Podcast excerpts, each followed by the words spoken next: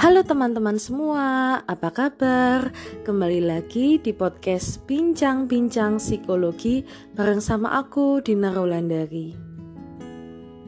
Hari ini aku mau membahas tentang hubungan atau relationship, lebih tepatnya apakah dia bisa berubah setelah menikah. Mungkin pertanyaan ini juga sering muncul di diri kalian ketika kalian lagi menjalin hubungan dengan seseorang, dengan pacar kalian, dan sebenarnya kalian itu nggak suka banget sama sifatnya dia, salah satu sifat dia, dan kalian tetap mempertahankan hubungan itu karena berharap pokoknya dia itu bisa berubah setelah menikah. Nah, oke, okay, sekarang kalau aku ditanyain, Kak, apa benar seseorang itu bisa berubah setelah menikah? Jawabanku tentu bisa iya, bisa tidak. Nah, masalahnya karena bisa iya, bisa tidak, maka kita tetap harus memikirkan konsekuensi terburuk kalau dia itu tetap nggak bisa berubah setelah menikah, bahkan sifat itu dia bawa terus sampai nanti sampai tua. Apalagi berubahnya orang lain itu adalah sesuatu yang di luar kontrol kita, di luar kendali kita. Teman-teman udah sering dengar kan tentang sesuatu yang ada di dalam kontrol kita dan di luar kontrol kita. Intinya, sesuatu yang ada di dalam kontrol kita itu adalah diri kita sendiri, pemikiran kita, persepsi kita, sifat kita, kebiasaan kita. Dan kalau di luar kontrol kita itu adalah lingkungan, orang lain, persepsi orang lain, sifat orang lain, perilaku orang lain.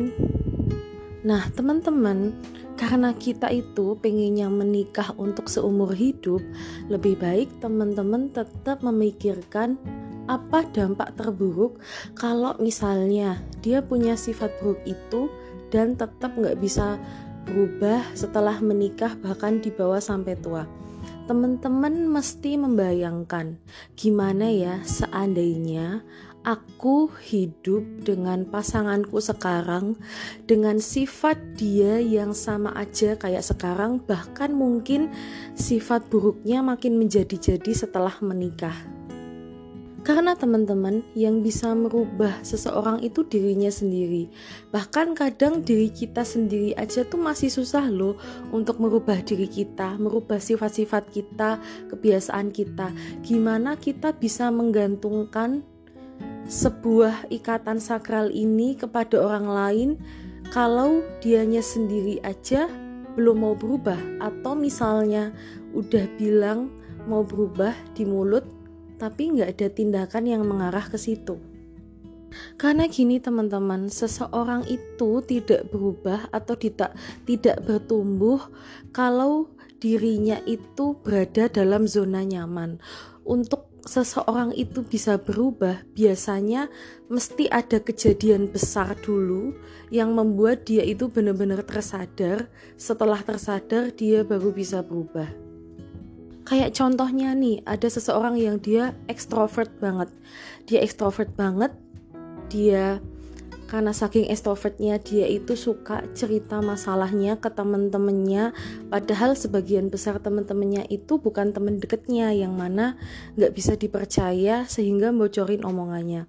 Nah untuk bisa bikin si extrovert ini jadi sadar jadi nggak bakal cerita lagi masalah pribadinya ke teman-temannya yang nggak bisa dipercaya perlu ada kejadian besar dulu yang bikin dia tuh bener-bener kapok. Misalnya misalnya nih ada salah satu temennya yang mengkhianati dia bocorin semua ceritanya bahkan sampai mungkin upload ceritanya itu di internet jadi terkenal jadi viral digunjing banyak orang. Nah di situ dia baru-baru baru bener-bener kapok bener-bener enggak akhirnya dia berhenti. Kayak gitu sebenarnya gambaran uh, seseorang itu bisa berubah atau enggak. Mesti ada suatu event yang bikin dia itu benar-benar jerah. Setelah jerah itu sadar dan akhirnya mau berubah. Nah tapi event-event kayak gitu itu kan sesuatu yang di luar kendali kita ya. Bisa dibilang itu adalah sesuatu yang uh, bersifat takdir atau datangnya itu dari Tuhan gitu loh. Kita nggak bisa menciptakan suatu event yang bener bener-bener bikin pasangan kita tuh bener-bener sampai kapok sekapok-kapoknya sampai dia berubah. Karena itu udah urusan dengan Tuhan masalah hal-hal event-event besar kayak gitu. Apalagi biasanya setelah menikah, seseorang itu makin punya kuasa atau kontrol atau power dalam hubungan. Malah biasanya kebiasaan-kebiasaan buruk yang tadinya udah ada setelah menikah, setelah menikah itu makin menjadi karena dia merasa sudah bisa mendapatkan pasangannya. Pasanganku aja mau kok nikah sama aku dengan sifatku yang kayak gini. Kenapa aku harus capek-capek ngoyo buat berubah. Ada contoh nyatanya teman-teman. Kalian tahu kan perceraian Bill Gates dengan istrinya gitu. Istrinya bilang kalau sejak sebelum menikah Bill Gates itu udah nampak sifatnya yang dia nggak suka yaitu terlalu fokus sama pekerjaannya dan kurang mempedulikan ke keluarganya. Jadi uh, kurang ada waktu untuk keluarganya. Nah, tapi istrinya Bill Gates tetap menikah gitu dan dipertahankan terus sampai tua. Pada akhirnya mungkin setelah udah lansia, udah meledak, akhirnya baru bercerai. Karena setauku ketika aku membaca berita tentang Bill Gates ini itu salah satu alasan istri Bill Gates menceraikan Bill Gates yaitu karena kurang ada waktu buat keluarganya dan itu udah nampak pas sebelum nikah, pas masih pacaran. Nah, terus gimana kak kalau aku udah dalam hubungan yang menuju ke tahap serius sama pasanganku tapi ada sifat yang dia uh, bikin aku keganggu, aku nggak suka.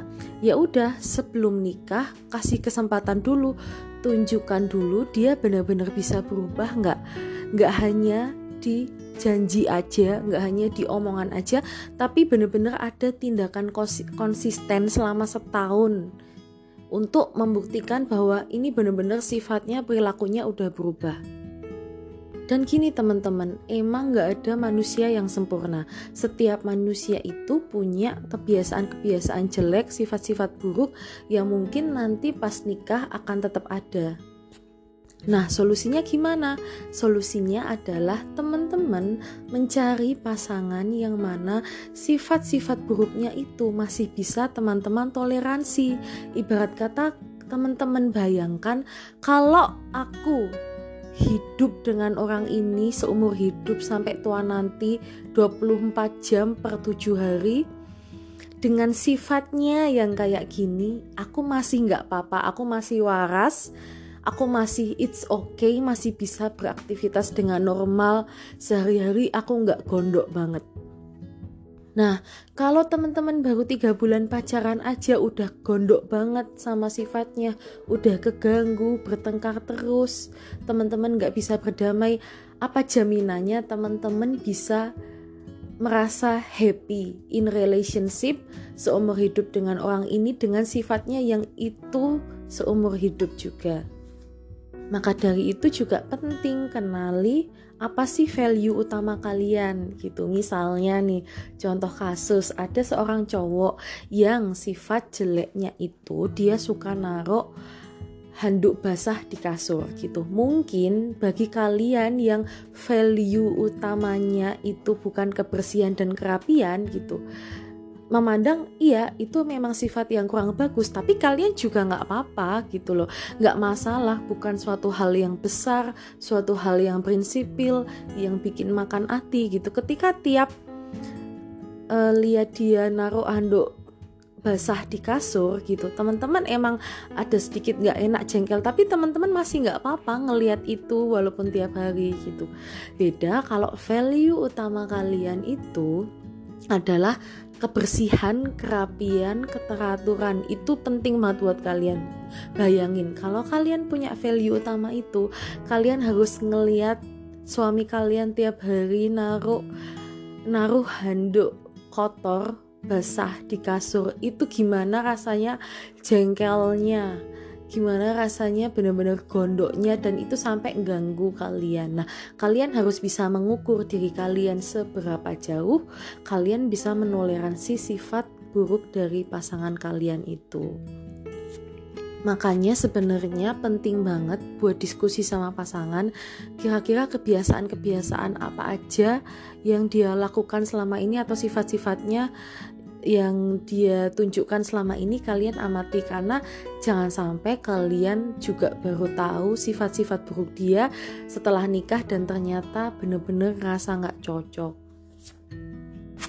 Nah, segitu aja podcast kali ini. Mudah-mudahan kalian mendapatkan manfaat ya dari episode ini. Kalau misal ada yang masih kurang jelas, pengen ditanyain soal tema ini, boleh banget diskusi sama aku di DM Instagram @dinarulandari atau di @bincang-bincang-psikologi. Oh iya, ke depannya bincang-bincang psikologi juga bakal upload video-video psikologi juga di YouTube. Jadi subscribe dulu ya channel Bincang-Bincang Psikologi nanti akan ada konten-konten terbaru dari kita di YouTube. Terima kasih semuanya. Semoga kalian bahagia mendapatkan pasangan yang selaras dengan nilai-nilai hidup kalian dan see ya.